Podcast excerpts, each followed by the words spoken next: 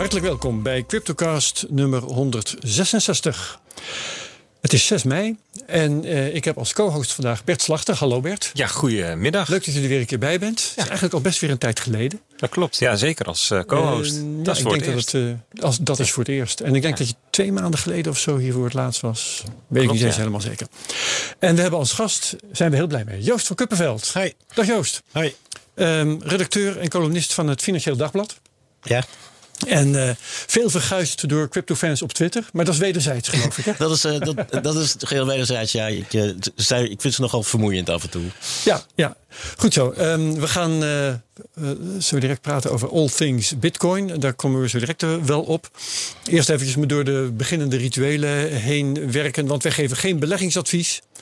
Dat in tegenstelling tot onze sponsor Amdax. Want de cryptomarkt professionaliseert. Steeds meer particuliere en ook institutionele beleggers nemen bitcoin en andere cryptovaluta op in hun portfolio om optimaal rendement te behalen. En de risico's te spreiden heb je kennis van zaken nodig, zeker in die relatief jonge markt. Die kennis en ervaring deelt Amdax graag met je. Wat een private banker in de traditionele wereld doet, dat doen de vermogensbeheerders van Amdax in het crypto-domein. En uh, per traditie sluiten we dan aan met Kraak de Quote, een uiting van de pers waarin de plank is misgeslagen. En het was vandaag een uh, artikel in de Volkskrant over allerlei mogelijkheden om uh, te beleggen. En daar werd Bitcoin ook nog in genoemd. Heb jij het gezien, jo uh, Joost ook zeggen, Bert? Nee. Die, het artikel in de Volkskrant onder de titel De lage rente maakt aandelen aantrekkelijk. Hoe start je met beleggen? Nee, die heb ik helemaal niet gezien. Jij het gezien, Joost? Nee. Oké, okay. uh, Peter de Waard schrijft dat. Uh, overigens befaamd uh, ook Bitcoin-criticus, Bitcoin-scepticus, hoe noem je dat? Joost vindt het ook meteen heel grappig.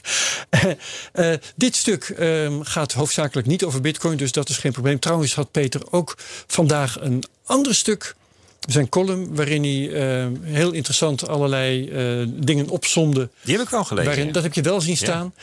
Dat was um, uh, verrassend neutraal, zal ik maar zeggen. Um, dit stuk dat ik nu bedoel is van 3 mei trouwens. Dus dat is niet van vandaag. Maar het stuk dat ik dus nu bedoel, daarin, dat, dat gaat over allerlei andere manieren om te beleggen in deze moeilijke tijd. En de laatste alinea beantwoordt de vraag: zijn cryptomunten zoals bitcoins een alternatief? En het antwoord daarop is: ze zijn een alternatief, maar ze zijn ook riskant. Alleen kunnen ze van de een op de andere dag uit de gratie raken, allemaal akkoord. Daarnaast leveren cryptomunten geen inkomsten op. Er wordt geen dividend of rente op uitgekeerd, zoals op effecten en ETF's.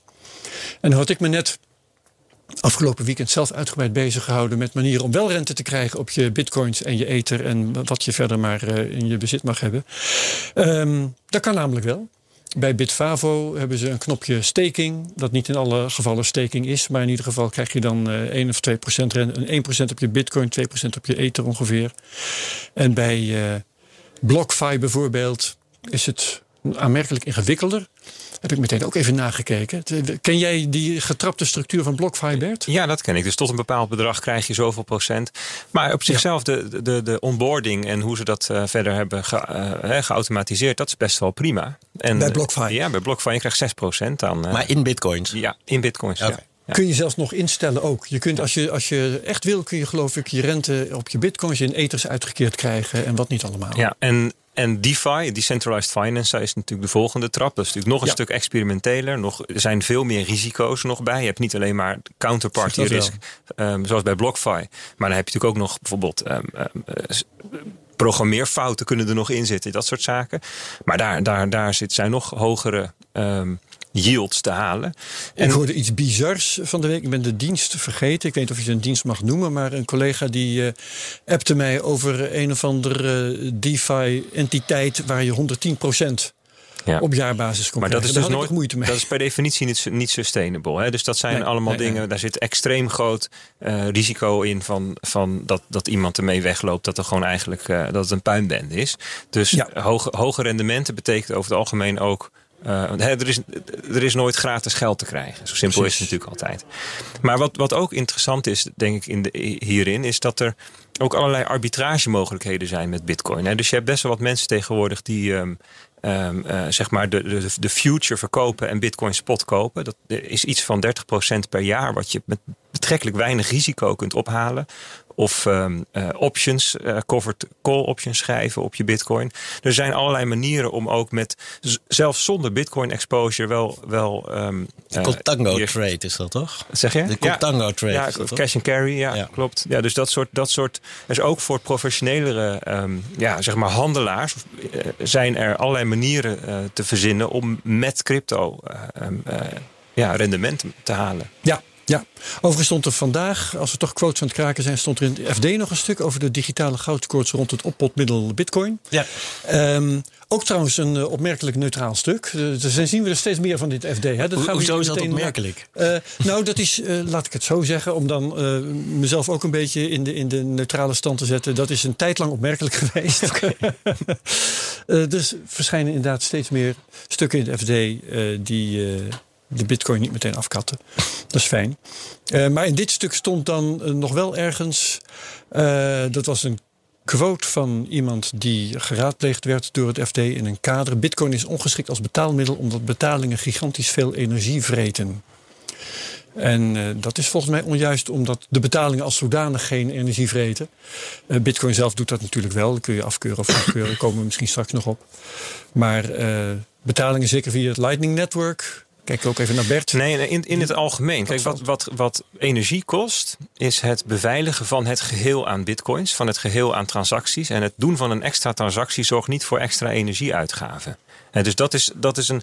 Uh, even, dat moet even een keertje Marginaal, klikken. Zeg maar uit de categorie de bus rijdt toch, onafhankelijk van hoeveel passagiers erin zit. Beetje ja. zo'n soort. Of Peter die noemde het een keertje een soort kluis. En het gaat erom dat die kluis er is. En dan maakt niet uit hoeveel bitcoins ja. erin gaan of hoeveel waarde. Er is wel ruimte voor discussie natuurlijk. Want uh, iemand anders kan zeggen: ja, hoor eens even, er is die energieconsumptie van bitcoin. En als je dat hoofdelijk omslaat over alle transacties, dan kom je wel op een bedrag uit. Ja, zo gaat dat ook met carbon footprint als je in een vliegtuig zit en zo. Dus ja, ja behalve het dat is wel begrijpelijk dat je het op die manier opschrijft, nee, lijkt mij. Nee, maar een vliegtuig heeft natuurlijk een fysieke beperking aan hoeveel mensen erin kunnen. En het, en het, en het aardige van bitcoin is dat het in principe een onbeperkt aantal transacties per um, seconde aan kan. Omdat je op die tweede laag gebruik maakt van de veiligheid die de eerste laag biedt. En dus dus het, het omslaan op het aantal transacties, dat, daar is het natuurlijk volstrekt arbitrair welk getal je dan kiest. Als je het getal van vandaag kiest, dan, um, ja, dan is het hoog. Maar het aantal transacties wat we vandaag zien, of het eigenlijk de, de, de, de, de waarde die Bitcoin vandaag transporteert, dat, dat is ook niet sustainable. Dat moet of heel veel meer worden, of het moet naar nul gaan en doodgaan. En dat zijn allebei acceptabele uh, eindstations in termen van de energie. En want als het niks meer doet, dan is het ook geen energie meer, kost geen energie meer. En als het heel veel transacties doet, dan is het per transactie eigenlijk heel erg efficiënt. Um, alleen ja, op de weg naar um, de adoptie of het volwassen worden van een nieuwe technologie, ja, er zitten soms tussenstappen die niet zo fijn zijn. Dat zag je bij de elektrische auto trouwens ook. De eerste elektrische auto's waren milieutechnisch gezien helemaal geen grote wonders. Integendeel. Nee. Maar ze zijn nodig om uiteindelijk op een punt te komen eh, dat je, dat je kijk, ik denk dat we daar heel dichtbij zijn, dat elektrische auto's in de hele lifecycle veel gunstiger zijn. Voor dat is al zo volgens mij. Ja. Ja, ja. Maar goed, dat is een ander onderwerp. Nee, maar goed, even parallel te trekken. ja, ja, begrijp ik. Goed, laten we het eh, daarbij ja. houden wat de quotes betreft. Laten we eens even over de prijs hebben. Vind jij dat een leuk onderwerp, eh, Joost, eigenlijk? De, eh, de, nou, dat, dat, is, dat is eigenlijk wat me het meeste bezighoudt. Want ik probeer er al, nou, ik denk een jaar of acht achter te komen... wat die prijs nou drijft, behalve dan vraag en aanbod. Ja, en dat is alles wat je doet.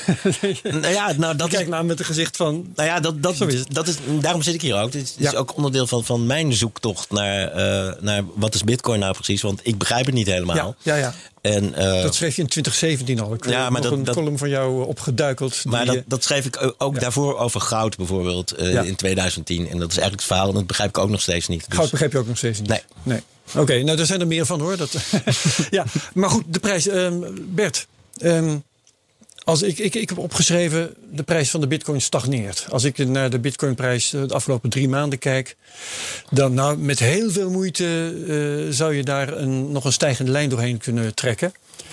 Maar nee. het valt uh, tegen. Ik deel, ik deel jouw analyse wel. Ja. ja, dat klopt. Ja, dus we, je moet dat denk ik wel zien aan de hand? in de grotere context. Hè? Want mm -hmm. um, um, vanaf begin oktober tot februari is die prijs keer zes gegaan. Dus er is een ontzettende stijging geweest. Hè, van, ja. laten we zeggen, 10.000 dollar naar kleine 60.000 dollar. Ja. En sindsdien uh, gaat het redelijk um, zijwaarts. Ja. En dat is is eigenlijk al heel wat, hè? Want als het zou instorten, dan zou dat veel harder gaan. Dit is eigenlijk juist een teken dat, het, uh, dit, dat, dat, dit een redelijke prijs is voor ja, het moment. En wat, ja, wat we zien dat er het meeste gehandeld is, hè, daar, daar ligt echt een hotspot rond de 2, 3, 4, 50.000 dollar. En dat is ook nou ja, is het toevallig of niet, dat weet ik niet. Maar dat is de plek dat Bitcoin als asset in totaal um, ehm, 1 biljoen dollar is. Dus als je dat vermenigvuldigt, kom je op 1 trillion dollar uit. Dus dat is, ja, dat is, dat is kennelijk nu het, het, het, het punt wat, waarvan de markt zegt: op, op dit prijsniveau willen wij handelen. Ik geloof dat bijna 20% van de bitcoins um, op of boven de 53 dollar van eigenaar is verwisseld. Dat kun je natuurlijk in de, in de blockchain kun je dat allemaal helemaal naspeuren. Ja. En blijkbaar is, is er dus in de markt voldoende vraag op dit prijsniveau. Ja, en dat is op zichzelf uh, wel een soort van validatie van dat Bitcoin dit waard is. Het is niet dat we dit even aangeraakt hebben, nu weer als een, eh, een kogel naar beneden donderen. Ja. En blijkbaar is er dus voor, voor drie maanden achter elkaar Um, ja, vraag en aanbod op dit prijs. En ook heel veel op dit Zeker. prijsniveau. Maar dus- de vraag die Joost er natuurlijk heeft, dat is waar is dat dan op gebaseerd? Dat de markt deze uh, waarde acceptabel vindt. Ja, ja dat, is, dat is de vraag aller vragen natuurlijk. Ja. maar daar heb je ook geen mooi antwoord op. Nou ja, dan, dan, dan, dan ga je de podcast in, denk ik. Ja, nou ja. Jij wil, jij wil nog even een microcashje natuurlijk. Dus. Uh, nou, die, die heb ik een beetje on hold gezet. Okay. Ik weet niet of je dat weet, maar Even voor de luisteraars en voor Joost, die knikt, dus die weet het ook ongeveer. Ja. Maar uh, de micro, het microcashje doe ik rapporteer ik niet meer elke week. Oh, Omdat dat langzamerhand een beetje uh, vervelend begon te worden. Dus uh, dat doe ik nu met wat grotere tussenpozen.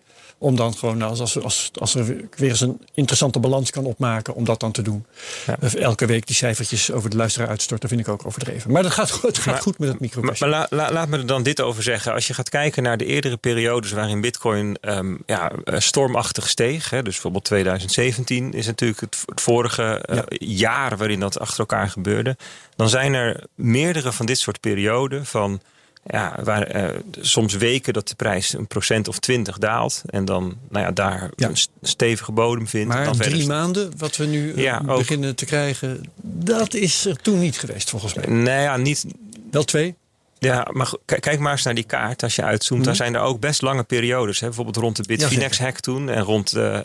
Uh, um, de sluiten van exchanges door eh, China, volgens mij. Kijk, en nu zie je natuurlijk ook dat er een aantal dingen bij elkaar komen. Hè? Dus het verhaal van um, Biden die de capital gains tax omhoog wil doen. En, Janet Yellen die over de rente begon.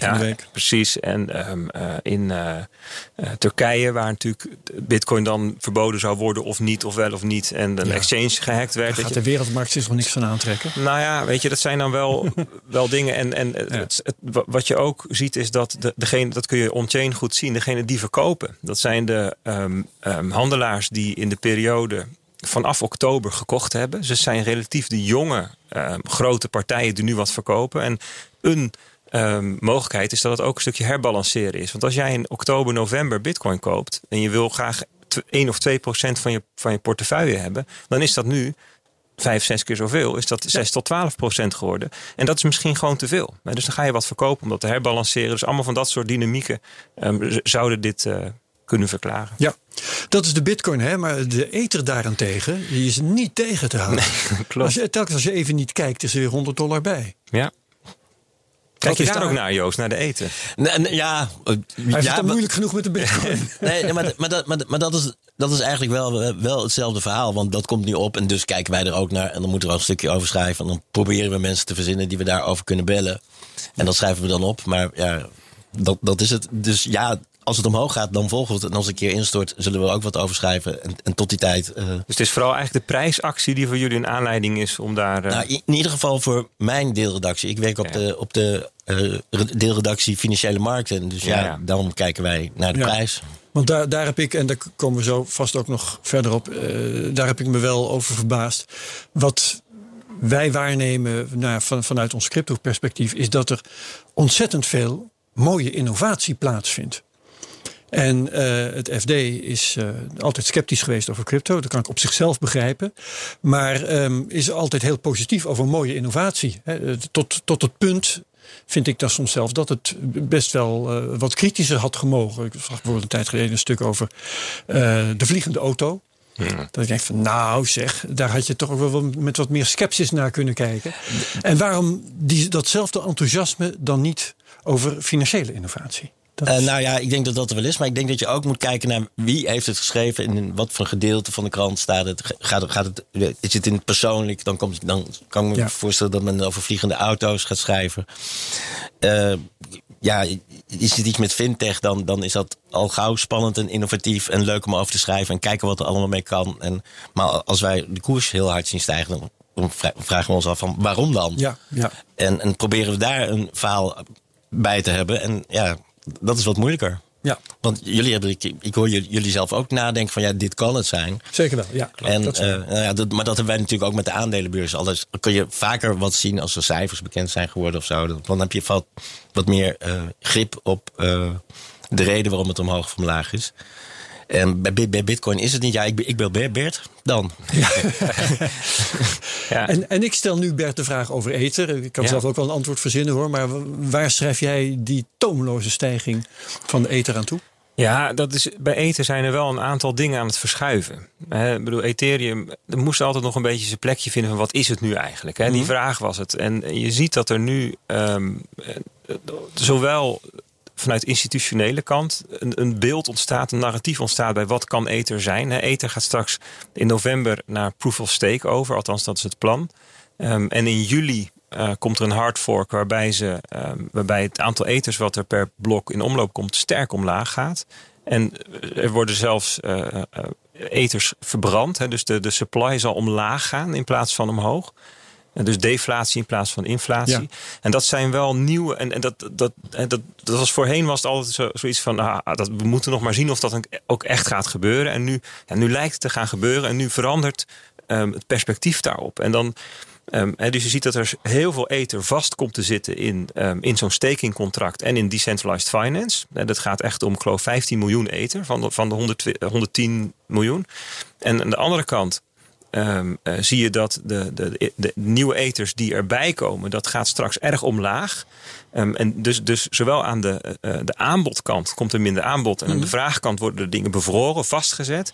Ja, daar ontstaan nu allerlei narratieven en verwachtingen over. Ja, waar nu op vooruitgelopen wordt. Ja. En, en het ether is ook, denk ik, voor de institutionele wereld veel grijpbaarder, tastbaarder dan bitcoin. Hè? Want ether heeft straks um, met proof of stake gewoon een, een, een yield curve. Dus je, Um, afhankelijk van hoeveel vraag er is, is er een bepaalde hoeveelheid, ja, een bepaalde hoeveelheid rente. Dus je kunt ook um, waarderingsmethoden op, uh, op toepassen. Discounted cashflow, weet je, allemaal dat soort dingen die in de financiële eh, wereld heel gebruikelijk zijn om te waarderen. Dat heb je bij Bitcoin niet, hè? Ja, hoe moet je Bitcoin nou waarderen? Ja, netwerkeffect ga je dan naar kijken. Metcalfe's law, weet je, allemaal de, moeilijk, moeilijk, moeilijk. Vage praatjes. Ja, maar bij eten wordt dat veel tastbaarder. Nou, en dat, dat zie je nu gebeuren. En nou ja, dus dit, dit is ook Um, en dat kan je on-chain goed zien. Dit zijn echt uh, aankopen van mensen die niet speculeren of met leverage treden, maar gewoon echt eten kopen en het uh, in hun portemonnee stoppen. Ja, ja. Dus het is heel interessant dat dit gebeurt. En voor velen onverwacht. Ja, um, wat mij opvalt, dat is, uh, het is aan de ene kant stormachtig, maar aan de andere kant ook wel weer voor crypto-begrippen geleidelijk. Hè? Mhm. Het is geen plotselinge piek. Bitcoin, Bitcoin gaat op dit moment vrij hard op en neer. Het is een beetje raar, maar Ether heeft een, ja, een een, een, een, stijging die mij het idee geeft dat er iets begint door te dringen ja. tot de markt op ja, een, over een... termijn van weken. Dat uh, steeds weer andere mensen denken van, oh ja, wacht eventjes, die, dat Ethereum 2.0 en oh ja, die staking. Ja, het is een heel liquide markt. Dus je kunt niet, ja. um, als jij met, met, met 50 miljoen dollar aankomt, dan gaat die prijs daar niet idioot veel van bewegen. En zeker omdat het dus gedreven is door spot aankopen, Um, zie je ook weinig liquidaties. Er wordt veel minder met hefboom gehandeld dan, bij, dan, dan rondom bitcoin. En zeker met die kleine muntjes. Dus um, ja, dat klopt. Het gaat geleidelijker en uh, organischer. Wat zullen we over Dogecoin zeggen? Helemaal niks. Wat een ellende, man. Ja, maar goed, weet je, dat is. daar... zijn, we, zijn we net zo smalend over als Joost over Bitcoin? ja, ja, ja. Ja, ja gewoon, gewoon een uit de hand gelopen grap. Hè? Dat, um, ja. Oké, gaan we niks over zeggen. Mooi zo, prachtig. Leuk. Um, dus even kijken. Nieuws. Ja, het is leuk om het over nieuws te hebben. Dat weet je, Joost. We, hebben, we vertellen elkaar wat we leuk vonden, interessant aan het nieuws. Wat heb jij voor nieuws te melden? Uh, nou, iets uh, op mijn uh, koor op mijn molen natuurlijk. Charlie Munger van Berkshire Hathaway die, die noemde die vertelde op die, op die vergadering, naar aanleiding van een vraag, dat hij het succes van Bitcoin haatte. En dat hij het een walgelijk product vond en slecht voor. en, in tegenspraak met de maatschappelijke nut. En nou, dat klinkt natuurlijk al heel grappig. En ik denk dat hij dan uh, doelt op uh, waarschijnlijk het milieuaspect of misschien uh, ongelijkheid, omdat Bitcoin natuurlijk heel ongelijk verdeeld is. Ja. En, dus ja, ik, ik, kon, ik, ik kon er wel om glimlachen. Ja. En, ik dacht gelijk van, uh, nou, deze neem ik mee naar de CryptoCast. Ja, dat soort nieuwtjes komt, komt hier inderdaad niet elke week voorbij. Maar vermeld je dat nu hier omdat je denkt van, nou, leuk, toch, toch iemand waar ik het zelf mee eens ben? Of uh, juist om eens, om nou, eens wat reuring in de groep te gooien? Nou, ik heb, ik heb natuurlijk, uh, net, net zoals veel crypto fanboys ook natuurlijk een beetje zo'n confirmation bias. Deze meneer zegt iets wat ik eigenlijk ook vind. En ja, dan vind ik dat leuk om, om, om dat hier te zeggen. Ja, zeker. Bert, jouw nieuws. Mijn of, nieuws. je hier nog commentaar op uh, geven? Dat oh, dat kan ik natuurlijk. Wil je dat? Doe maar, ja. ja. maar op. Ja. Nou ja, ja, dit is wel, ik vind het wel een leuk voorbeeld. Want dit is, je ziet hier twee dingen. Je ziet enerzijds dat inderdaad de Bitcoin community, zoals jij um, hoopt en verwacht, um, um, hier helemaal op los gaat met uh, old man yells at Bitcoin. Weet je wel, dat soort, ja, precies. dat soort memes. En, en uh, hij, zeg maar, de berichten van hij, hij heeft zelf een bank die miljarden witwast per jaar. En daar ook voor is veroordeeld. Dus wat moppert hij nou, weet je wel? um, maar, um, maar hij geeft wel toe dat hij het succes haat. Dat, dat vind ik dan nog wel ja, weer... Ja, maar, maar wat, wat, wat, ik er vooral aardig aan vind... is dat hij laat zien... Hè, want hij heeft het over de interests of civilization... dat hij een heel erg Amerikaanse bril heeft. Of laten we zeggen, rijk westerse bril. En dat zeg ik ook vaak tegen mensen. Ja, wat heb je nou een bitcoin? Ja, in Nederland is dat ook beperkt. In de zin dat wij een fantastische munt hebben. De euro is de ene beste munt ter wereld. Als de dollar de beste is. Hè, in stabiliteit. Um, uh, het Nederlandse betaalnetwerk is misschien wel het beste van de wereld. Met onze tikkies en onze instant payments. En, en uh, draadloos, contactloos betalen. Dus wij denken, waar heb je het voor nodig? Maar ga eens kijken naar al die landen met uh, hyperinflatie of falende overheid. Of dictaturen waar je gecensureerd wordt. Of um, social credit scores in, in, in China. Libanon is tegenwoordig. Dus komt al dichterbij. Turkije faalt het. Weet je, in die landen, um, weet je, de, de, de, de 100 miljoen mensen die remittances payments moeten doen en daar 10, 20 procent transactiekosten over betalen. Er zijn natuurlijk ontzettend veel mensen wereldwijd die vandaag de dag echt een beter leven hebben, betere kansen hebben, um, omdat er een neutrale munt is waar ze niet gecensureerd worden. En dan vind ik het wel wrang dat hij vanuit zijn miljardairspositie in Amerika um, door zijn roze bril zegt: ja, the interest of civilization. Weet je, dus dat, dat, dat is zeg maar wel de, de andere kant die ik er. Nee, het, het, het, het is een grote claim. Uh, wat dat betreft. Maar dat, dat zie ik, vind ik ook een beetje als, als ik dan Bitcoin uh, adepten uh, hoor praten over dat dit is de digitale, of dit is, het, dit is het geld van de toekomst. Dat vind ik ook een vrij grote claim. Zeker. Ja. En onderbouw die dan eens. Ja. Dat, dat is dan wat ik dan zou willen horen. Maar, dus, maar ik, ik, begrijp, ik nou, begrijp, ik begrijp. heeft net een paar aspecten genoemd. Ja, trouwens. ja, ja, maar goed, die aspecten die ik noem, dat zijn natuurlijk wel de eerste loodjes. Hoe zeggen ja. de eerste blaadjes aan de bomen. We zien ze nu weer verschijnen. En we moeten nog met elkaar maar meemaken of dit daadwerkelijk uh, over tien jaar is uitgegroeid tot wat we hopen. En ik hou de optie zeker open dat we over tien jaar terugkijken en zeggen: oh ja, dat Bitcoin grappig dat we dat toen dachten. Weet je, het, is, het heeft zich niet bewezen. De tijd, time will tell, wat dat betreft. Ja, oké. Okay. Wat is jouw nieuws? Bert? Ja, ik um, zag een bericht langskomen van um, uh, Nexon. Heb je dat gehoord? Nexon. Ja, Nexon, en dat was nog een. Maar goed, vertel het ja, ne ja, Nexon die heeft voor 100 miljoen, aan, um, 100 miljoen dollar aan Bitcoin gekocht. 717 Bitcoins. En um, bedrijf in Tokio, of beursgenoteerd in Tokio, zit in Zuid-Korea en Japan. Ze maken computerspellen. Dus ik denk een beetje zoals Epic, een beetje zo'n soort partij, maar, maar dan meer op de Aziatische markt gericht. 2,7 miljard omzet, dollar omzet per jaar. Ze hebben 5 miljard dollar aan cash op de bankrekening. In, uh, in uh, Koreaanse uh, wons en Japanse yens en Amerikaanse dollars. En 2% daarvan hebben ze dus bitcoin voor gekocht. En het aardige daaraan is dat ze um, heel uitgebreid hebben toegelicht waarom. Dus we hoeven nu niet te speculeren waarom ze dit hebben gedaan. Uh, zoals bijvoorbeeld bij Tesla is nog altijd maar een beetje de vraag waarom Tesla dit nou doet, wat hun motief is. Maar zij hebben het heel uitgebreid uitgelegd. En heel kort zeggen: geld op een bankrekening levert weinig tot niets op. Um, zelfs investeren in junk bonds, die voorheen nog geld opbrachten, zijn verworden tot rewardless risk. Dus wel risico, geen opbrengst. Ehm, de rente zal een tijdje laag blijven. Nou, en dan fulmineren ze wat op de centrale banken en de overheidsschulden enzovoort. Geldontwaarding ligt op de loer, dat is de volgende stap. Maar wij hebben de verantwoordelijkheid naar onze aandeelhouders om de koopkracht van ons geld, die 5 miljard, te bewaken. En Bitcoin zou daarbij kunnen helpen. Dus niet, zoals Michael Saylor, die 5 miljard in één keer Bitcoin van te kopen, mhm. maar te zeggen 2%. Want als we die 2% kwijtraken, is weg, dan verliezen we 2%. Maar als Bitcoin inderdaad 200% groeit, dan hebben we die, die asset inflation. Want bedoel, dit bedrijf die heeft die 5 miljard niet voor pot de pindakaas. Die heeft die 5 miljard om uh, concurrenten over te nemen. Oh, te investeren, ja. Bijvoorbeeld. Hè, en, en de aandelen van de concurrenten die stijgen met 10, 15 procent per jaar. Dus dat is hun hurdle rate. En daar moeten ze overheen springen.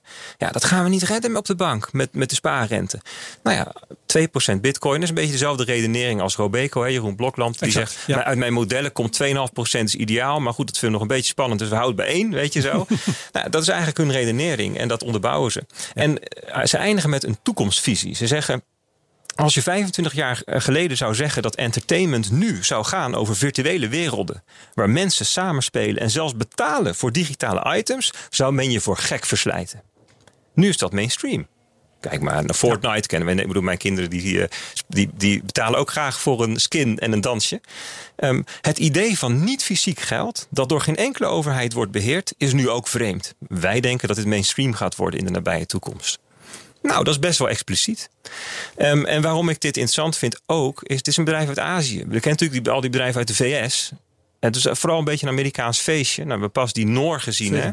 ja. um, City. En dan nu een, een Aziatische. Duits bedrijf, hè? dat uh, cannabisbedrijf. Waar ik ja, maar dat was de naam vergeten. Dat is heel klein. Ja, ook. zeker. En dit, dus dit, is dat ik, ja, dit, ik, dit voegt wel wat toe, denk ik, aan het uh, beeld dat het niet alleen maar Michael Saylor en zijn vriendjes is. Ja, dus, nou, dan heb ik nog één aanvulling daarop. Want um, er was een bedrijf genaamd Mogo. Ik had het gelukkig goed onthouden, dus ik heb snel even kunnen googlen. Aan de Nasdaq genoteerd trouwens. Die hebben 336.000 euro. Dat is een heel bescheiden bedrag. Maar wel bijzonder in Ethereum geïnvesteerd. Ja. Dus die uh, hebben die keus gemaakt. En uh, tot, tot nu toe is het nog steeds nieuws als een bedrijf deze stap neemt. En er zijn natuurlijk veel en veel meer bedrijven die dat niet doen vooralsnog. Klopt, ja. Maar interessant. Of, of niet onthullen. Hè? Of het niet onthullen. Dat maar, uiteindelijk komt het natuurlijk wel ergens te staan als ze het kopen. In een statement, ja. ja. Dus iedereen zit ook die uh, SEC-statements. Als ze genoteerd zijn wel, ja. Maar als, als, ze niet beursgenoteerd zijn, dan hoeft het... Nee, ja, nee, ja dan, zul je, dan, zul je, dan zul je de jaarrekeningen moeten bekijken, denk ik. Ja, dat bijvoorbeeld. Oké, dan had ik ook nog nieuws. En dan wil ik om te beginnen eventjes voor de gein uh, jullie het volgende laten horen. Uh, even naar het juiste vakje toe. Let op, Bert kent het al hoor.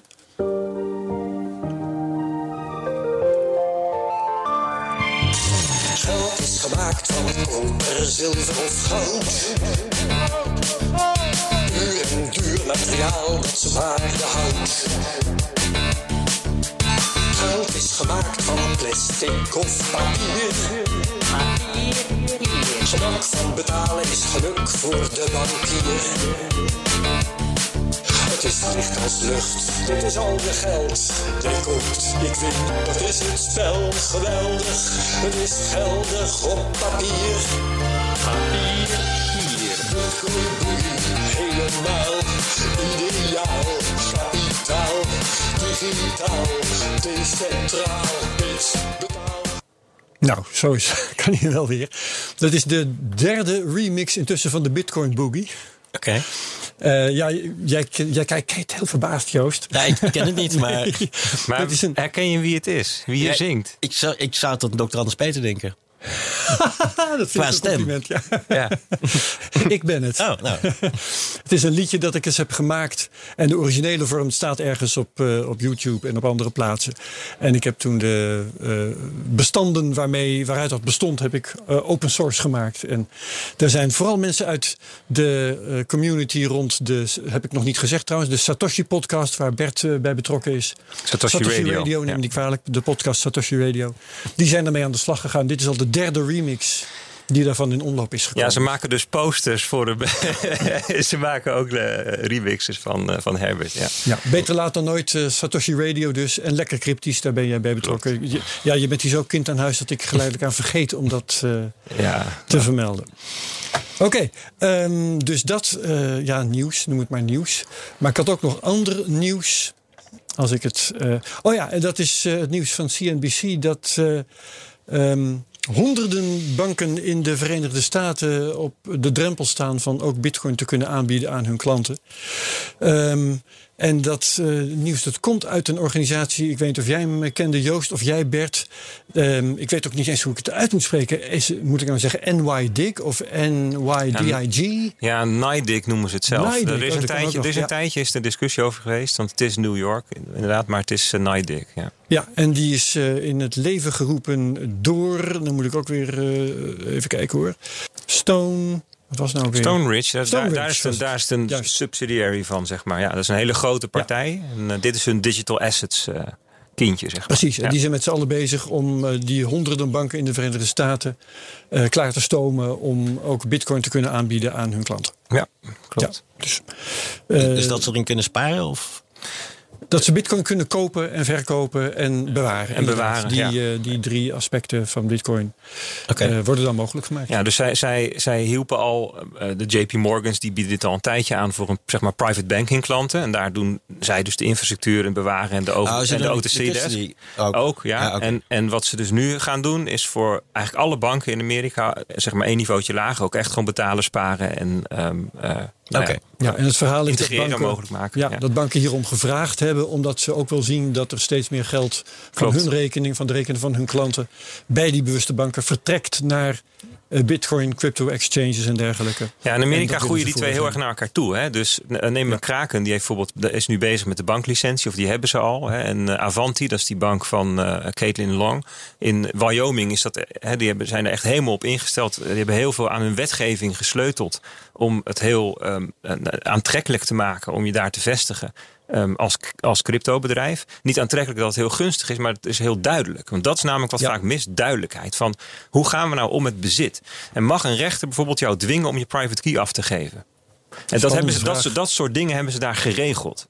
En als jij Um, als jij voor mij bitcoin bewaart als custody en er, wordt er is een fork, ben ik dan ook eigen, eigenaar van beide forks? Dat soort dingen zijn in, in ja. Wyoming allemaal vastgelegd in de wet. En die, zeg maar, die, die, die regelgevingszekerheid, die is reden voor heel veel bedrijven om daar te vestigen. En je ziet dus in Amerika dat um, uh, zeg maar de, de, de, de, de, cryptobedrijven richting bankair gaan. Dus banklicenties aanvragen, aansluiting op Fedwire enzovoort. En omgekeerd. En, en omgekeerd de, de, de, de, traditionele banken echt opschuiven richting cryptodienstverlening. Dus ja, dat, in Amerika is men toch wat opportunistischer lijkt. Of wat ondernemender dan hier. Dus dat, uh, ja, hier, hier spreek ik ook wel met mensen bij banken. Zeggen ja, ja we, we vinden wel dat er wat mee moeten. Maar ja, over drie jaar dan, dan zijn we er misschien, weet je wel. Dus dat is toch uh, ja, wel een groot verschil, vind ik. Misschien, misschien ook een verschillende houding van to toezichthouders. Misschien dat ze in de, de VS daar wat meer open voor staan en dat hier vooral op de rem wordt getrapt. Zou zomaar kunnen. Zeker, ja, maar ja, ja, ja. zie je, ook, je ziet ook beide toezichthouders verschuivingen plaatsvinden. Nou, je ziet dat als er dan jongere mensen worden aangenomen, hè, dus de, de, de, nieuwe voorzitter van de SEC, Gary Gensler, die, is, ja, die, die heeft in het verleden heeft die, um, een college gegeven over blockchain en bitcoin. Dus die heeft er veel meer beeld bij en besef van wat het is en wat het kan en wat de risico's zijn. En dus ook bijvoorbeeld de vraag, komt er een ETF? Ja, weet je, die, daar, daar, ze zijn nu veel opener daarover aan het praten. Zeg je, eigenlijk had hij er al wel moeten zijn. Dat vinden wij ook. En want het is nu eigenlijk netto slecht dat hij er niet is voor uh, um, zeg maar de handelszekerheid van mensen. Maar um, ja, als, we zijn nu zover dat er zijn zeven partijen. Als we het doen, moet het wel ordelijk verlopen. Dus ja, dus, ze zijn daar inderdaad ook, ook vanuit toezichthouders en regelgeving veel, veel bewuster met dingen bezig. Ja, klopt. Ja, over toezicht gesproken. Um ik ben, dit weekend ben ik nog geconfronteerd met het toezicht in Nederland. Dat is volgens mij best een interessant verhaal. Ik heb er veel mee bezig gehouden, maar het nooit aan den lijve ondervonden. En dat vond ik toch wel, wel onthullend hoor. Uh, als je dus uh, crypto hebt staan bij een, uh, bij een Nederlands cryptobedrijf en je wilt dat ergens heen overmaken als crypto, nou dan ben je aan de beurt. Ik had niet gedacht dat het, dat het zo idioot je zou zijn. Je wallet verificatie. Ja, ja, precies. Dus je moet dan bewijzen aan het bedrijf waar vandaan je je crypto uh, wilt uh, wegsturen. Moet je, je moet bewijzen dat de rekening waar het naartoe gaat, dat die van jou is. Ja. Maar mag je niet naar iemand anders overmaken? Je mag niet naar iemand anders overmaken. En dan moet je eerst naar jezelf door het en dan toezicht van de Nederlandse bank. Ja. Waarom? Waarom? Nou, dat heeft de Nederlandse bank bedacht dat het goed is tegen witwassen. Nou ja, dat, dat zal wel. Nou, maar is dat zo? Is dat goed tegen witwassen? Nou ja, daar kan, daar, kan, kan ik me wel iets bij voorstellen. Als je alleen naar jezelf kan overmaken, dan blijft het bij jezelf. Ja, zeker. Er te weinig wit te wassen. behalve dat, dat is dan mijn idee daarbij. Als je uh, iets, te, iets wit te wassen hebt en je bent voldoende gemotiveerd, en dat ben je dan, dan vind je wel loopholes. Ja, zeker. want maar ik kan heel makkelijk naar een rekening van mijzelf uh, bij een buitenlands cryptobedrijf. Daar kan ik die, die crypto's dan heen sturen. Dat uh, gaat mijn Nederlandse cryptobedrijf uiteindelijk wel goed vinden. En daar vandaan kan het dan vervolgens overal naartoe. Of, of je, je maakt het over naar je ledger, naar je eigen hardware wallet en je stuurt het dan bewijzen. door. Precies. Dus er zijn heel makkelijk uh, loopholes te vinden, maas in de wet. En het, de bottom line is dat alleen maar Nederlandse cryptobedrijven op achterstand worden gezet. Uh, door de regelgeving. Maar weet, weet, je hoe ze dat doen, Joost? Ja? Te checken dat jij die rekening bezit. Geen idee. Je, je moet een screenshot opsturen. Ja. Dus ja, als jij een screenshot. En, en, dat is dan goed voor de, dat vindt de toezichthouder dan wel goed. Nee, dit, dit, dit vereist de toezichthouder. De hele cryptomarkt is hier vorig jaar echt helemaal gek van geworden. Van, je, je, is dit een grap? Eh, staat er ergens 1 april? Nee, ze menen dit echt. Weet je, en iedereen, iedereen die, die hierover nadenkt, nou, dit, dit, dit helpt helemaal niets. Het is evident dat het niks helpt. Ja, het is Thijs. En de rest van Europa ze, ze, ze, doet normaal. Doet normaal, ja. Die zegt, joh, dit moet je niet hebben. Maar het idee dat je een, een bankrekening zou hebben... en dat je uh, van die bankrekening alleen maar zou mogen overmaken... naar rekeningen die van jezelf zijn bij een andere nou, bank. Dat, dat, dat is natuurlijk wel bij heel veel uh, financiële bedrijven... Die, of financiële instellingen die geen bankvergunning hebben... Daar, daar kan dat ook. Dan heb je zeg maar een zogenaamde tegenrekening. Dus, dus dat is het idee erachter, vermoed ik. Ja, nee, maar ik, ik, begrijp het ook wel. Ik bedoel, bij een bankrekening zeggen ze... ja, weet je, alle andere bankrekeningen... daarvan weten we van wie die is. Want dat is natuurlijk ook gekyc'd bij de, bij de andere bank. Hè. Dus ik, ik begrijp wel wat ze willen bereiken. Alleen ze bereiken het hier niet mee.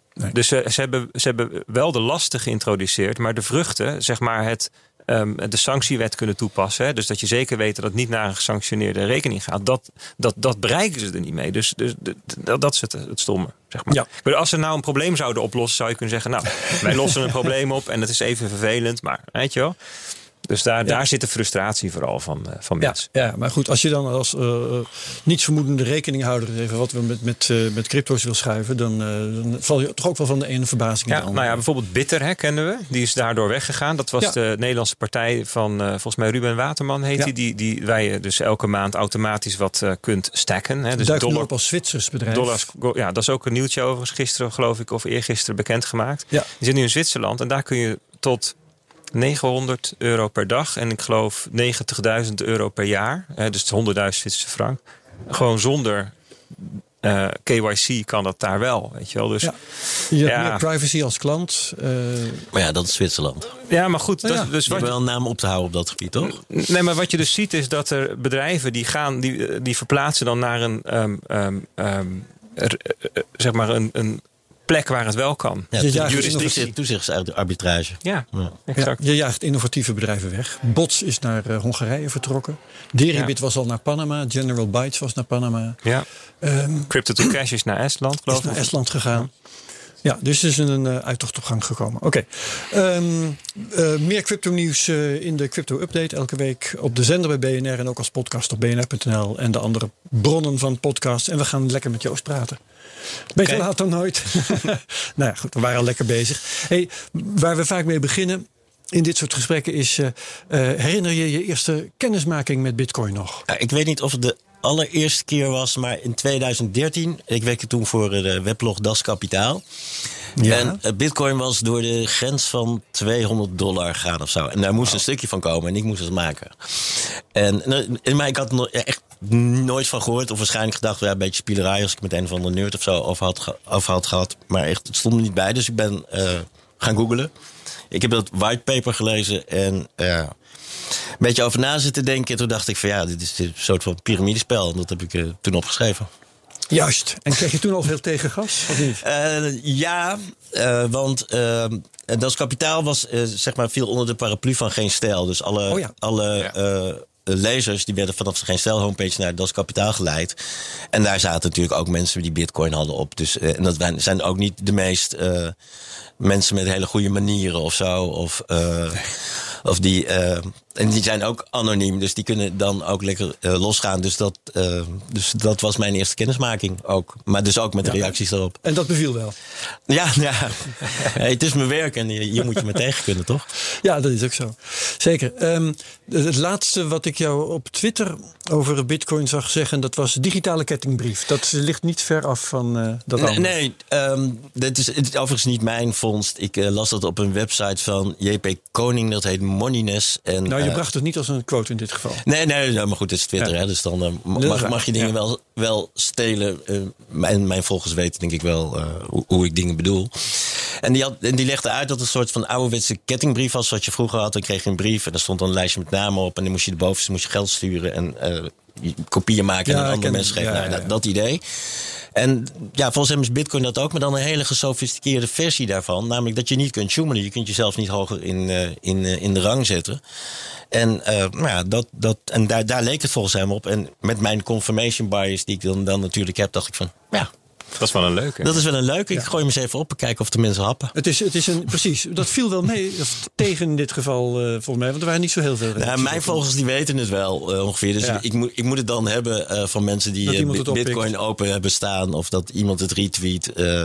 ja. Maar vind je het leuk om die interactie juist te hebben met Bitcoiners die dan op jouw um, scherpe prik dan daar ook weer op reageren? Ja, als dat, als dat inhoudelijk is. Maar goed, op het moment dat je mensen loopt, dus, loopt te voeren, dan, ja, dan krijg je ook niet altijd de inhoudelijke reacties die. Want jouw broer nee. die heeft het volgens mij altijd prima door als ik ja, loop te voeren. Zeker. En die zegt dat dan ja. ook altijd. Nee, maar Bart, Bart Mol bijvoorbeeld, hè, mijn co-host bij Satoshi Radio, die deed er een leuk gifje bij. Zo van, ah, je hebt een mooie grap en die heb je meteen geblokt. Ja, maar dat is, dat is, dat is natuurlijk. Of, bij... of heb je de gifjes, anti-gifjes beleid? Nou ja, dat eigenlijk wel. Maar dat is zeg maar de hele de Bitcoin fanboys, zoals ik ze dat noem, en jij vindt dat oneerbiedig, maar ik, ja, ik weet eigenlijk geen andere naam. Uh, die reageren heel vaak met uh, gifjes of memes of al, al dat soort dingen. En ik vind dat gewoon, op een gegeven moment wordt dat gewoon wel heel vermoeiend. En dan heb ik daar gewoon gezien. Maar kettingbrief en piramidespel zijn ook memes, toch? Maar dan van de andere kant. Nou ja, ik, ik, ik, wist niet dat het een meme was. En ik zie het ook niet als een kant. Maar ik wil het er wel inhoudelijk even over hebben. Vind jij nou echt dat, want er zijn dus mensen die menen dat serieus. Vind jij dat Bitcoin een piramidespel is? Nou ja, of vind je dat niet? Ik, ik weet het dus niet. Okay. Want ik, ik ben dus ook bezig, en daar, daarom schrijf ik ook die, die columns af en toe. Schrijf ik gewoon periodiek een column van. Uh, ik snap het nog steeds niet. En kan iemand mij het ja. uitleggen? En daar krijg ik dan wel reacties op. En één keer reageerde Bert en die schreef een uh, tegencolumn op uh, Lekker Cryptisch. Waar die mij uitnodigt voor een kopje koffie. En dat zijn we toen gaan doen. Ja, Klopt. nee, maar dat, um, dat piramidespel vind ik leuk om even op door te gaan. Want er is aan de ene kant uh, wat jij uh, hebt gedaan in, in een column uh, die ik laatst las uit 2017. toegeven dat je niet begrijpt, dat is één ding. Beweren dat het een piramidespel is, is juist het tegenovergestelde. Dan doe je alsof je het wel begrijpt. Nou ja, en het, doe je lijkt, een, een het lijkt erop. Als ik, als ik erover ga nadenken, ja. dan is het wat mij betreft een piramidespel. Omdat ja, maar je moet... mijn vraag is dan welk kenmerk heeft Bitcoin dat het gemeen heeft met een piramidespel? Nou ja, dat je andere mensen erbij moet zoeken, wil het meer waard worden. Dus meer mensen moeten het uh, adopteren en die moeten samen ook denken dat het meer waard was. En je moet iemand vinden aan wie je die waarde uiteindelijk, uh, aan wie je die bitcoins eigenlijk kan maar overdragen. Dat is, toch gewoon een kenmerk, dat is toch gewoon een kenmerk van een markt? Dat heeft nou, de huizenmarkt toch ook en de aandelenmarkt nou ja, maar? In, in een huis kun je dus wonen en de aandelen leveren dus ja, maar dat, dat verandert niks aan de kenmerken van de markt. Uh, hoe, bedoel, hoe, bedoel, je dat? Nou, uh, Bitcoin is uh, een markt waar vragen ja, okay, maar regeren. Om, om, om, omdat, zoals Bert net ook al zei, Bitcoin heel moeilijk, zeker voor mensen uit de financiële wereld, een prijs op is te plakken. en dan op aandelen is dat wel, want ja. dan heb je koerswinstverhouding. Nee, dat, dat, dat, dat is prijsvorming. En dat is niet een eigenschap van een piramidespel. Nou ja, in, in dit geval is, is, mijn conclusie is dat je, een greater fool theory. Je moet uh, aan iemand anders geven. Dat kun je bij de huizenmarkt ook zeggen. Maar in de huizenmarkt heb je nog wel altijd waar je in kunt wonen. En met bitcoin kun je eigenlijk niks. Ja, maar dat is goed. De, de, dat is geen karakteristiek van de markt. Het is een karakteristiek van het product. Het product? Het product, het huis in dit geval. Oké. Okay. Maar je kunt in een, in een, je, nou, je kunt in een bitcoin kun je niet wonen en in een huis wel. Dat is allemaal prima. Nee, maar als, als maar, ik een huis ga kopen, ga ik ook niet bijvoorbeeld medestanders zoeken die ook andere mensen gaan vertellen van je moet echt huizen kopen. Weet je, het, het, het heeft Nee, maar ook- dat- dat de gaat- Bitcoin fanboys hebben ook iets evangelistisch. En ik heb altijd geleerd dat als je een goede belegging weet, dan moet je dat stilhouden en dan moet je dat kopen. En bij, bij goldbugs en bij Bitcoin eh, Nee, adepten is het juist dat ze heel veel Bij iedere belegging reclame geldt, maken. Bij iedere belegging geldt toch, wil de prijs stijgen, dan zijn er meer mensen nodig die het willen kopen. Ja, of het bedrijf of, of het onderliggende product moet iets kunnen wat beter is geworden.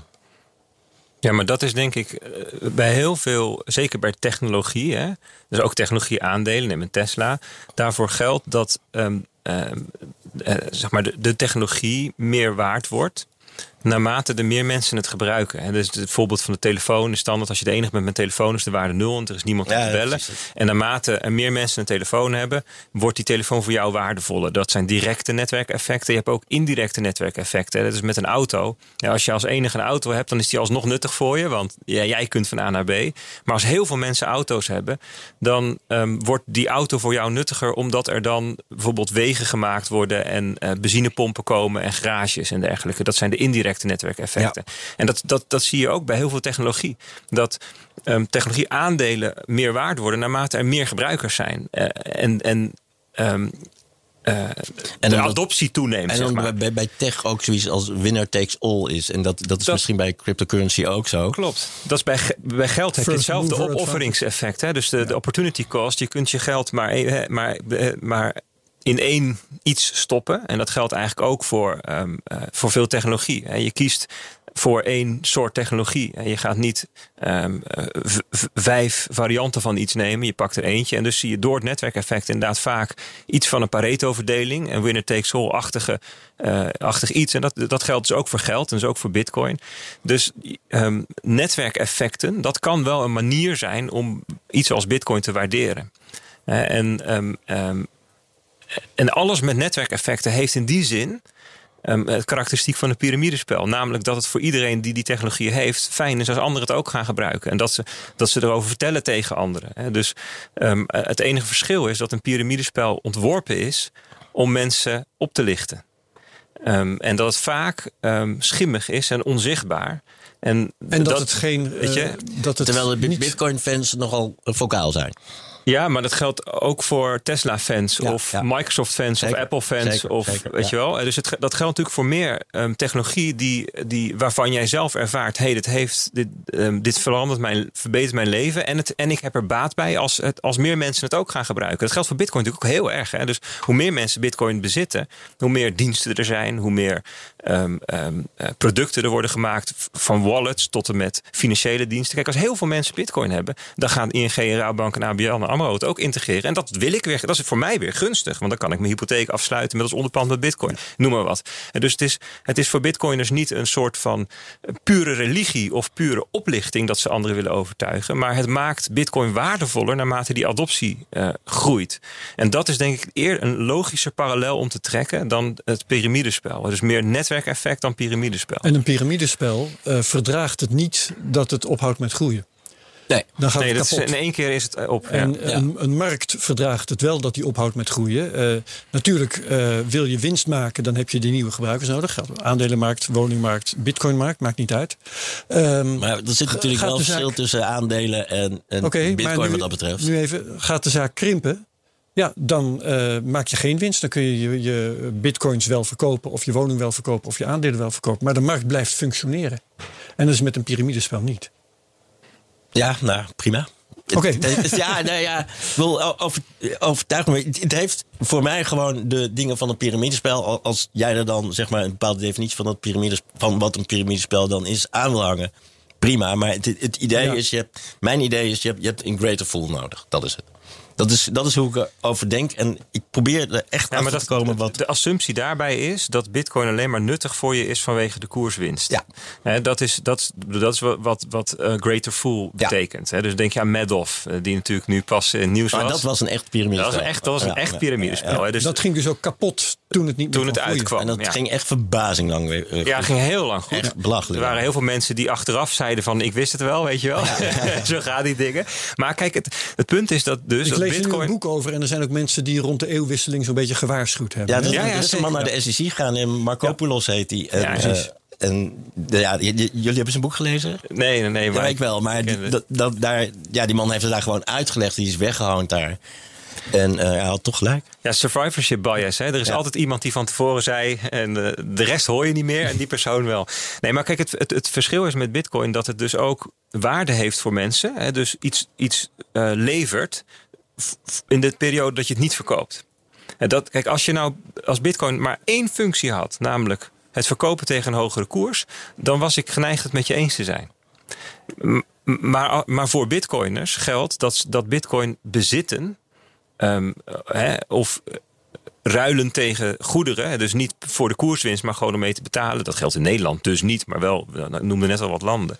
Ja, maar daar, daar snap ik de, de, de, toepassing van Bitcoin natuurlijk wel voor. Ja, ja maar dat is, bedoel, Bitcoin is niet. Een, je hebt niet zoiets als Bitcoin in Nederland en Bitcoin in Nigeria. Dat is één neutraal wereldwijd protocol. Hè? Dus het is, of een, het is of een wereldwijd piramidespel of het is het niet. Weet je, dus, dat, ja. um, dus, dus daar, daar zit denk ik wel een fundamenteel verschil. Als je accepteert dat Bitcoin nut heeft los van het boeken van koerswinst, dan denk ik dat, je, dat, je, dat het piramidespel um, te kort door de bocht is. Nou, maar dat, dat, dat, dat het te kort door de bocht is, dat geloof ik meteen.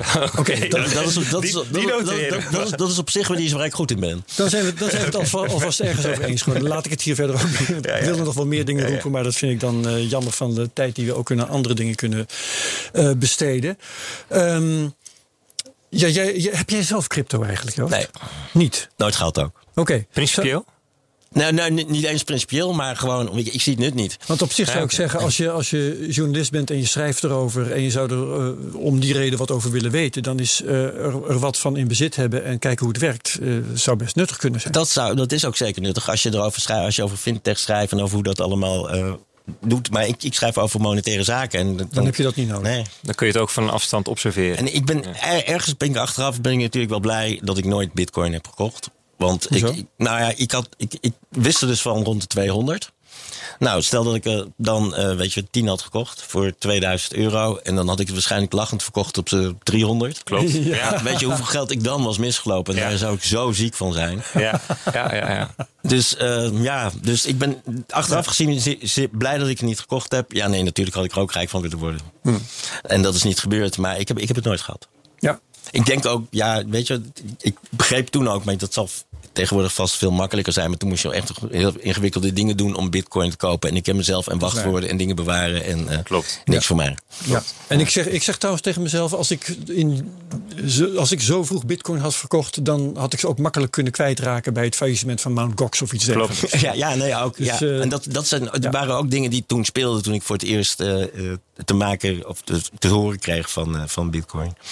Ja. Er speelden dat soort dingen en dat, dat wakkert ook wel wat sceptisch aan natuurlijk. Zeker, maar dat, in die periode, 2013, was, dat, was het ook gewoon nog bijzonder experimenteel. Het was echt een, een, nou een, een, een schaduw, een schim van wat het intussen ja. is geworden. Ja, en toen heb ik er een tijdje niet meer naar gekeken. En toen ging ik in 2015 bij het FD werken. En kreeg ik in 2016 kreeg ik monetair beleid in mijn portefeuille. En toen op een gegeven moment werd bitcoin ook groter. En toen werd het van de fintechhoek ook mede op mijn bordje geschoven van succes ermee. Juist. En uh, toen, moest, toen moest ik me er dus weer meer in verdiepen. Maar ja, ik ben er dus nu al acht jaar mee bezig. Ik ben nog geen steek verder gekomen. Hoe onderzoek jij crypto? Uh, nou ja, met mensen praten. Als journalist, het, het, het, grote voorrecht van journalist zijn is dat je mensen kunt bellen. En die uh, ja. staan je graag te woord. Um, en dan probeer je, dan, stel, dan stel ik dezelfde vraag als, als, als die, die ik toen aan Bert stelde: van leg mij het eens uit waarom die prijs die prijs is. En waarom moet ik het nu hebben tegen deze prijs? Ja.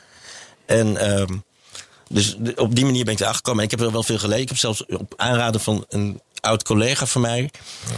Um, die ik heel hoog heb zitten. En die uh, mij op een gegeven moment wezen op een boek over crypto. En wat de mogelijke uh, rol van bitcoin kan zijn. Namelijk als de onderste laag van een gelaagd geldsysteem of zo. En wat dan nu, zeg maar, het huidige geldsysteem is dan gebaseerd op treasuries. En dat was daarvoor op goud. En bitcoin zou dan het nieuwe de nieuwe laag moeten zijn. En het was een heel goed boek. En er stond heel veel over geldgeschiedenis uitgelegd. Alleen het hoofdstuk, het laatste hoofdstuk wat over bitcoin kreeg, ja, dat landde niet bij mij. Mm. En dat is, dat is nog steeds waar ik tegenaan loop.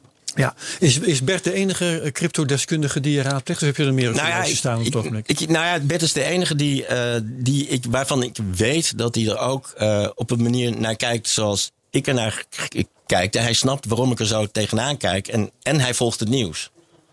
Dus als, als, dus als ik een, een kwestie van golflengte zo te horen. Nee, nee, maar ja ook. Maar als ik ja. een, een, narratief moet hebben voor, voor bij het verhaal, Dan kan ik zelf op allerlei websites gaan kijken waarvan ik niet weet wat een goede Bitcoin website is. Of, of ik kan Bert bellen, die zeg maar, mijn middleman is in de, op dat gebied. Ja. En die, Verantwoordelijke die- positie, Bert. Nee, maar die, die het mij, maar Bert kan heel goed uitleggen. Dat, dat, dat, dat, dat, dat, dat, helpt, dat helpt natuurlijk. En eh, daar, daarom is hij nu ook zeg maar, met het coronavirus eh, dat exponentiële groei uitleggen. Dat doe je ook heel goed. En daar hebben heel veel mensen eh, zijn zo eh, wijzer geworden over Ja. de verspreiding van de, van de pandemie. Dus ik denk dat hij voor mij een goede bron is. En ik weet verder niet zo heel veel mensen die, die ik kan bellen. Want het zijn of evangelisten, en daar heb ik niet zoveel aan. Want dan krijg je het wc één verhaal. of Iemand die dan blaast van bitcoin gaat, gaat naar 80.000. Maar, ja, maar waarom? Omdat het schaars is. En dat is dan het hele verhaal. Dus een soort cirkelredenering. Ja. Ja, nee, dat, dat vind ik zelf ook. Dat Dus, dus dat is heel moeilijk ineens, en, ja. en, eh, om, om experts te krijgen. En het is eh, zeker nu, nu het nog in de kindergroep bij, bij eh, banken zit niet een bitcoin-analyst. Daar zitten wel mensen met een mening over bitcoin. En die is over het algemeen, eh, ja, zoeken zij ook naar wat nut dan is.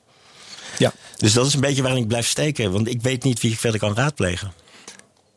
Ja. Het, het, het is ook heel moeilijk. Want Bitcoin is onwijs multidisciplinair. En er komen allerlei best wel ehm, eh, ver uit elkaar liggende disciplines bij elkaar. Ik bedoel, economie, financiële markten, dat ligt wel dicht bij elkaar. Maar cryptografie, ja, dat is echt. Wie, wie heeft dat nou allebei Wiskunde. gestudeerd? Ja, Ja, het is echt. ja, Ja, ja, ja. het was tijdens mijn studie was dat wel echt eh, een van de hardcore onderwerpen. De wiskunde die erachter zit. En computernetwerken, hoe dat dan werkt. De peer-to-peer networks. Ehm, proof of work. eh, Dat stamt eigenlijk ook uit de jaren, uit de zero's. Hè. Eh, Het probleem van spam op te lossen. Dus er zit zoveel, ehm, nou ja, de, de, de, de speltheorie. Hè, dus dus ehm, ja, behavioral ec- economics Ja. of sociologie. Het is Dus zijn- technologie, het is wetenschap, het is economie. ja, het is harde wetenschap en zachtere wetenschap. En, en Ja, wat je- sociale. Ja, effecten zitten erin. ja en, en, en wat je dan vaak ziet, is dat iemand die heel erg gespecialiseerd is in een van die deelgebieden. en daar ook echt goed in is. Hè, en de, de, de hoofdprijs verdienen de mensen met een academische aanstelling. Ja, die, die veronderstellen dat ze dan dus ook Bitcoin snappen. Hè, alleen het punt is dat eh, ju- juist dan gaat het mis. Hè. En zeker de, de, hoe noemen ze dat dan, hè, de klassiek geschoold economen. Ik bedoel, Bitcoin ehm, gaat ook uit van een, van, van, van een andere kijk op de economie, hè, de Oostenrijkse school. Nou, die Precies. tegenwoordig, tegenwoordig mag je blij zijn tijdens een economieopleiding dat er één dag aan besteed wordt. Eh, net zoals andere heterodoxe stromingen hoor. Ik bedoel, MMT was net zo eh, vreemd Modern als, monetary theory. ja, als, als Ja. de Oostenrijkse school, behalve dat het afgelopen anderhalf jaar eigenlijk eh, in het Overton window naar, naar acceptable aan het verschuiven is, omdat iedereen monetair aan het financieren is, zeg maar. En dus, dus, dus, dus dan ineens wordt het. maar ehm, ja, dus mensen die heel erg vanuit met een Keynesiaanse bril ernaar kijken, die denken, dat, dan snap ik ook hoe, hoe, hoe de Oostenrijkers ernaar kijken. Ja, dat is maar de vraag. Dus die ehm, ja, mensen die echt al die puzzelstukjes echt bestudeerd hebben. En niet denken van, nou, ik steek er even een paar dagen in, dan weet ik het wel. Ik bedoel, Ja. voordat je cryptograaf bent, ja, dat is een studie. weet je wel? Dus dat, dat, dat, is ook, dat is ook het lastige, vind ik eraan. Er, Ja. zijn gewoon, er zijn gewoon ook echt maar weinig mensen die het, die het geheel een beetje overzien. Ehm, Joost, er is de laatste tijd eh, steeds meer institutionele interesse in Bitcoin. Eh, allemaal van die eh, fondsen worden erop gericht. En nou ja, Robeco ehm, steekt een teen in het water. Ehm, jij hebt er ook naar gekeken. Ja. Met eh, je collega van het FD. Ja, met Marianne Slegers. Ja. Wij eh, zijn de eh, FOMO gaan peilen bij, bij instituten. Of ze staan te popelen. Nou ja, we, we, ja, we waren benieuwd. Ik was toevallig een keer in een clubhouse van Bert Beland. En daar werd een beetje gespeculeerd over eh, welk bedrijf, welk Nederlands bedrijf zou er nou als eerste zeg maar, ook bitcoins op de, op de treasury zetten. Toen dacht ik van ja, en misschien moeten we, moeten we instituten gaan bellen om te kijken van hoe zit het met hun FOMO. En toen we ze belden, nou, iedereen volgt bitcoin. Hè. Ze vinden het allemaal fascinerend. En eh, ze, zouden allemaal willen dat ze het privé eh, inzaten. Maar ehm, ze hebben eh, eh, wel een probleem om, eh, om dat aan hun klanten te kunnen aanbieden. Zeker ehm, eh, pensioenfondsen, want daar is bitcoin nog te klein voor. eh, niet liquide genoeg. En Te volatiel.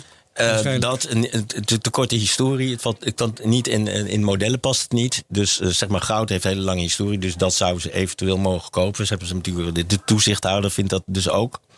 Dus er zijn allemaal heel veel barrières. En als je ze echt doorvraagt, dan zitten zij ook met hetzelfde probleem als ik. Waarom is de prijs exact. Maar dat, dat zei APG ook in het, in het Financieel Dagblad. Daar zei, die, zei uh, Thijs Knaap van APG zei ook van... Ja, wij snappen het niet. Ja. En we moeten wel een belegging snappen voordat we erin gaan beleggen. En, en, en dat heeft Warren Buffett natuurlijk ook. Kijk, en er zijn natuurlijk altijd uh, banken die het wel gaan aanbieden. Want als ze geld aan je kunnen verdienen, als jij bitcoin koopt, dan gaan ze dat doen. Er zijn natuurlijk market makers op, uh, op die cryptobeurzen.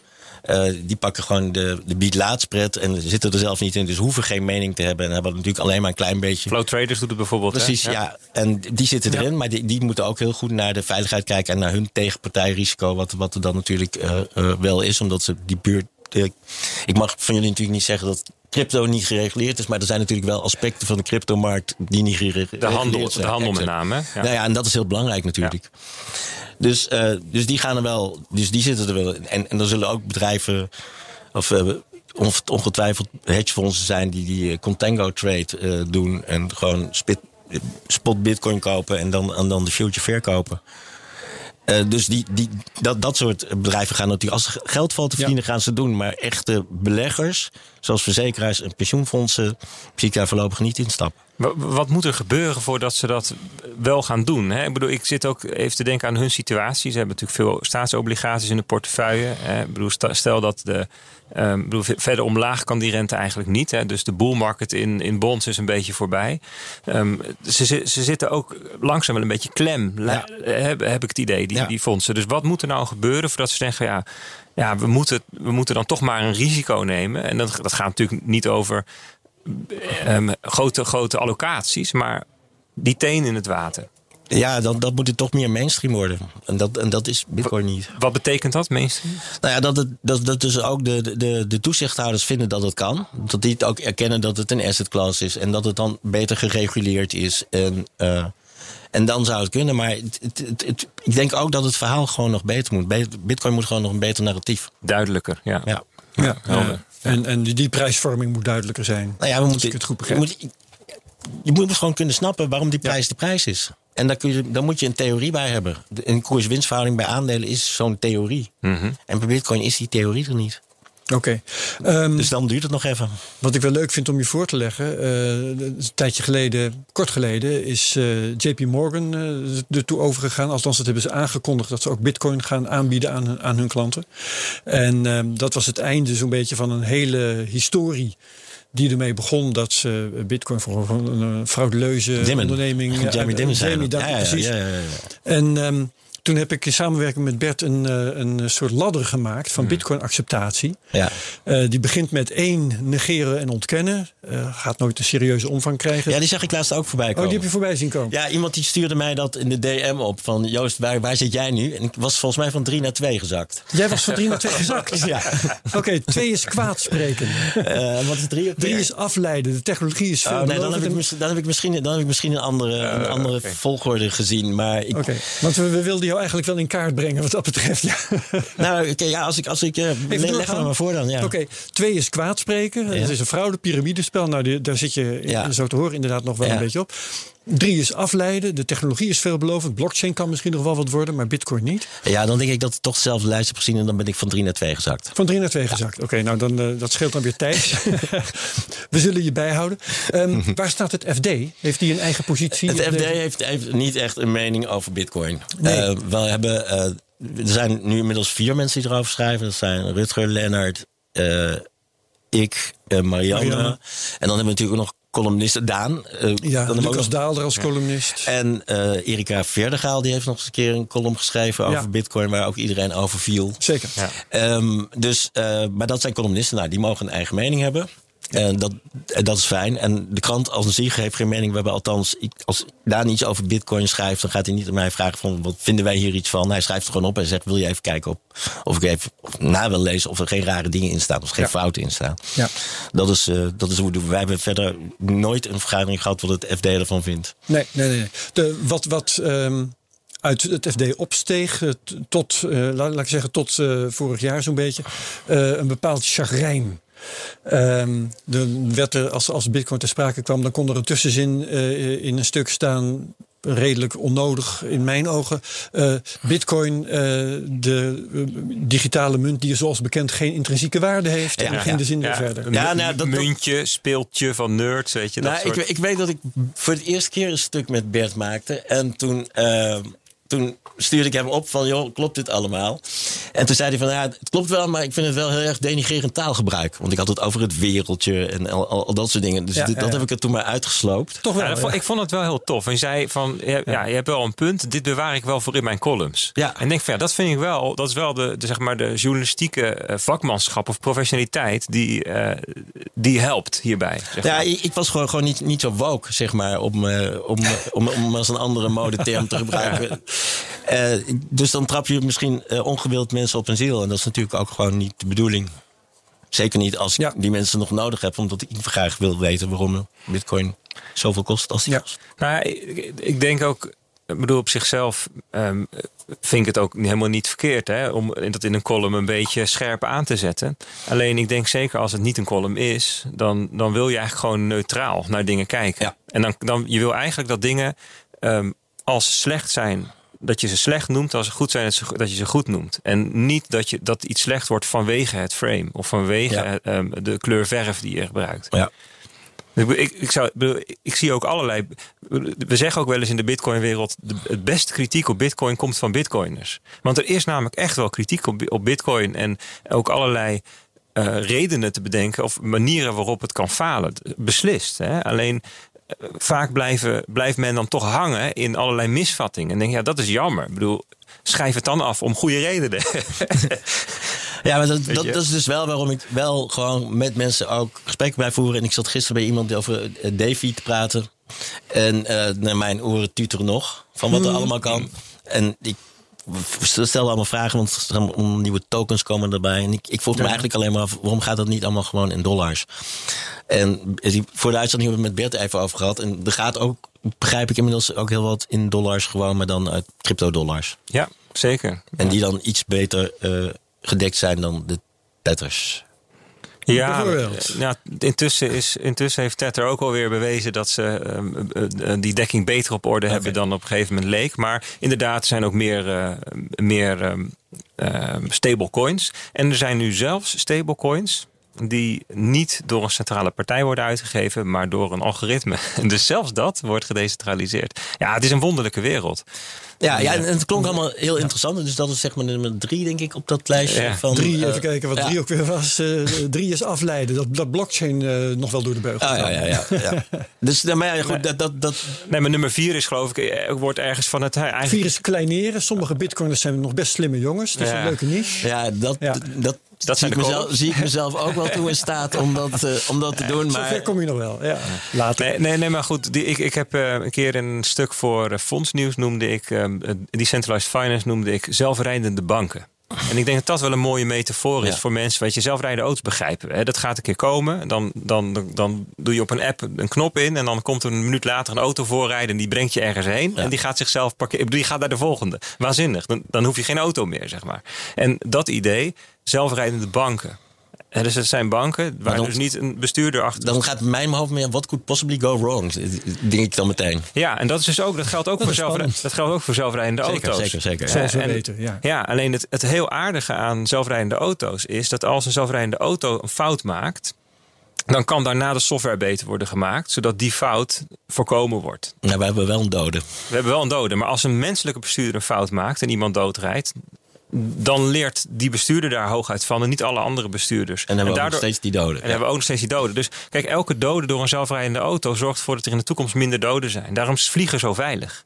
En die hebben dezelfde um, geprobeerd om hetzelfde effect te bereiken. Namelijk elk, alles wat misgaat gaan we proberen naar alle andere vliegtuigen en alle andere piloten uh, te verspreiden. Dat doen we met automobilisten niet. Dus we blijven maar dronken. Zo, zo, zo, ben ik van mijn vliegangst afgekomen. Want dat had ik op een gegeven moment. Toen ben ik naar zo'n cursus gegaan. En daar heeft iemand precies zitten uitleggen wat jij nu uitlegt. Ja, ja, ja. Dus, en, en, Waanzinnig was dus het. Sindsdien durf ik weer uh, zonder pilletjes... Uh, Oké, okay, dus die crypto-angst, daar kom je ook nog wel van ja. Ik heb geen crypto-angst, zeker niet. Maar het is... Uh, het is ik, ja, ik, ik, wil gewoon, ik ben erdoor gefascineerd. Net als ik destijds na de financiële crisis door die goldbugs was.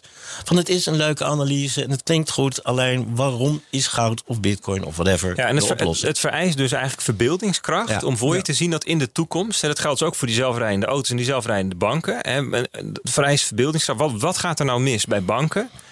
Alle fraude, alle witwassen, alle ehm, ehm, eh, discriminatie van mensen. Die, dat zijn allemaal menselijke fouten. Maar algoritmes kunnen ook discrimineren, weten we toch? Ze- zeker. Alleen het punt is, als je ze zo hebt gemaakt dat ze niet meer discrimineren, dan discrimineren ze nooit. En dat is dus het punt van, van algoritmes, is dat je centraal is- kunt fixen. Maar is dat zo? Is Ja. Valt dat te fixen? Ja, dat, valt, dat geldt dus ook voor zelfrijdende auto's. Die worden eigenlijk met elke botsing veiliger. En dat geldt voor zelfrijdende banken. Die worden met elke verbetering worden ze minder frauduleus. Maar kan, kan, kan, dat niet ook gewoon wishful thinking zijn?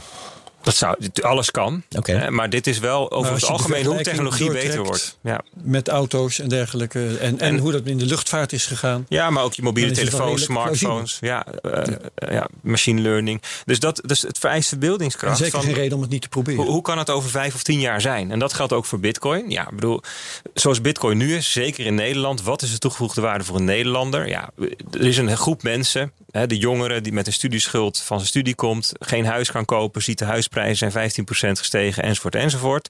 Ehm, eh, die denken van, hey, Bitcoin kan voor mij misschien in mijn mandje iets doen. Prima. Ehm, eh, wij zijn geen, gelukkig geen Nigeria. We hebben geen dictators. We worden hier niet gecensureerd. Het is niet zo dat ik eh, voor de Rabobank wordt afgesloten als ik bij de Mitra iets koop en je bent vast een alcoholist of zo. Weet je, dat soort dingen hebben wij niet. Dus ehm, eh, ja, het vereist ook in Nederland verbeeldingskracht van waar, wat kan Bitcoin over vijf of tien jaar zijn. En dan, ehm, daar, daar, daar zou je het eigenlijk op moeten beoordelen. Hè. En, en dan wordt het wel of niet interessant, denk ik. Ik wil het geleidelijk aan gaan afsluiten. Oké. Ik wil eh, jou, Joost, vragen of je nog iets te berden wilt brengen. Een Ehm, mooi slotwoord. nee, nee. Ik, eh, ehm, ja, ik vond het wel een leuke uitzending. Ja, zelf, om, eh, om bij te zijn. Ehm, ik wist natuurlijk wel eh, eh, hoe Bert in de wedstrijd zat. Dus dat stelde alvast eh, behoorlijk gerust. We gaan de buitenwereld vertellen dat we een constructieve dialoog hebben gehad. Als we straks Ja, naar buiten komen. Ik, ik weet niet of het heel interessant was voor, voor de luisteraars, maar ik vond het in ieder geval leuk om te doen. En als ik, ik vind het wel, als, en als er iemand van de luisteraars mij kan vertellen waarom de prijs van Bitcoin de prijs van Bitcoin nu is, ik hou me aanbevolen. Dat gaan ze via Twitter op grote schaal doen, verwacht of, ik. of mail me. Eh, ja, als je op Twitter moet, ik zou dan wel een beetje, eh, Zonder gifjes. ja, en ook een beetje gewoon zonder schelden ook en zo, want ander- anders blok ik je wel. Zo is dat.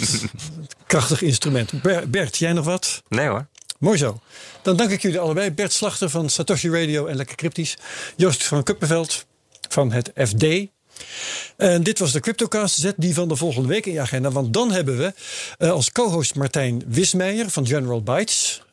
All the way from Panama, zal ik maar zeggen. En eh, Daan Kleiman van Bitonic. Dus dat kan een leuke, eh, geen confrontatie, maar een leuke ontmoeting worden. En als je deze aflevering leuk vond, deel hem op Twitter met de mention at CryptoCast.nl. Review ons op Apple Podcasts. Like, subscribe en comment op YouTube. Allemaal heel hartelijk bedankt. En tot de volgende week bij de volgende CryptoCast. Dag! Deze podcast wordt mede mogelijk gemaakt door Amdax. Het handelshuis voor de serieuze cryptobelegger.